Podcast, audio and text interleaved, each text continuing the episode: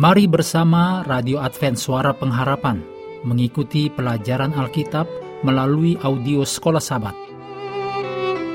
Selanjutnya kita masuk untuk pelajaran Rabu 20 Desember. Judulnya Untuk Saat Yang Seperti Ini. Mari kita mulai dengan doa singkat yang didasarkan dari Efesus 5 ayat 8. Sekarang kamu adalah terang di dalam Tuhan, sebab itu hiduplah sebagai anak-anak terang. Amin.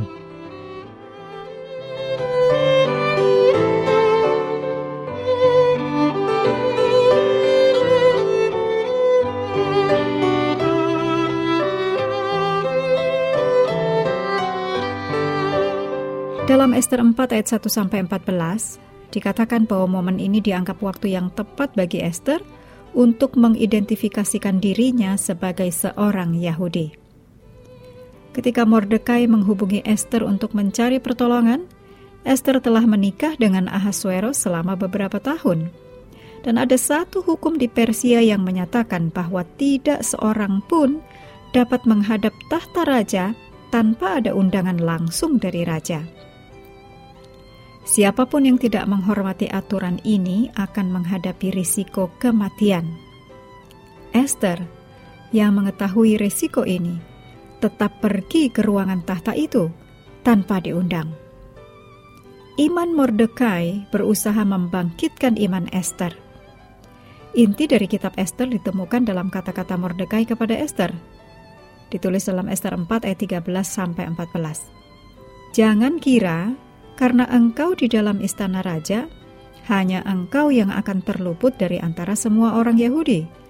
Sebab sekalipun engkau pada saat ini berdiam diri saja, bagi orang Yahudi akan timbul juga pertolongan dan kelepasan dari pihak lain. Dan engkau dengan kaum keluargamu akan binasa. Siapa tahu, mungkin justru untuk saat yang seperti ini, engkau beroleh kedudukan sebagai ratu. Iman Esther ditempatkan dalam ujian ketika Mordekai memohon kasihnya untuk bangsanya. Tidak ada yang tahu bahwa Esther adalah seorang Yahudi kecuali Mordekai. Dan sekali Esther membuat keputusan untuk terlibat, dia tidak ragu bahkan untuk mengorbankan hidupnya. Iman Esther kepada Allah sangatlah kuat dan dia tahu bahwa tanpa pertolongan Allah, dia tidak akan berhasil Jawabannya kepada Mordekai menunjukkan imannya. Dicatat dalam Esther 4 ayat 16. Pergilah, kumpulkanlah semua orang Yahudi yang terdapat di Susan dan berpuasalah untuk aku. Janganlah makan dan janganlah minum tiga hari lamanya, baik waktu malam, baik waktu siang. Aku serta dayang-dayangku pun akan berpuasa demikian.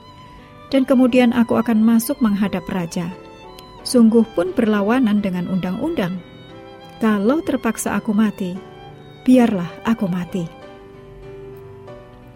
Mordekai mengirimkan informasi ini kepada seluruh komunitas Yahudi yang ada di Susan. Dan sementara mereka berpuasa dan berdoa, Esther mempersiapkan dirinya bagi saat-saat yang berbahaya. Esther 5 ayat 1 dan 2 mencatat, pada hari yang ketiga, Esther mengenakan pakaian ratu Lalu berdirilah ia di pelataran dalam istana raja, tepat di depan istana raja. Raja bersemayam di atas tahta kerajaan di dalam istana, berhadapan dengan pintu istana itu.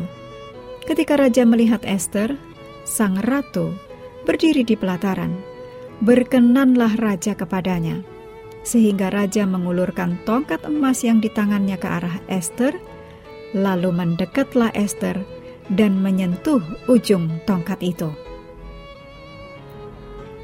Bagi orang Yahudi yang berada dalam situasi yang digambarkan ini, berdoa pasti akan disertai dengan berpuasa. Artinya, walaupun mereka bertindak untuk yang mereka perlukan, doa merupakan pusat dari tindakan mereka. Renungkan pelajaran penting yang bisa kita ambil dari peristiwa ini. Mengakhiri pelajaran hari ini, mari kembali ke ayat hafalan dalam Yesaya 49 ayat 6. Tetapi aku akan membuat engkau menjadi terang bagi bangsa-bangsa, supaya keselamatan yang daripadaku sampai ke ujung bumi. Kami terus mendorong Anda mengambil waktu bersekutu dengan Tuhan setiap hari, baik melalui renungan harian, pelajaran sekolah sahabat, juga bacaan Alkitab sedunia, percayalah kepada nabi-nabinya, yang untuk hari ini melanjutkan dari Yesaya 27, Tuhan memberkati kita semua.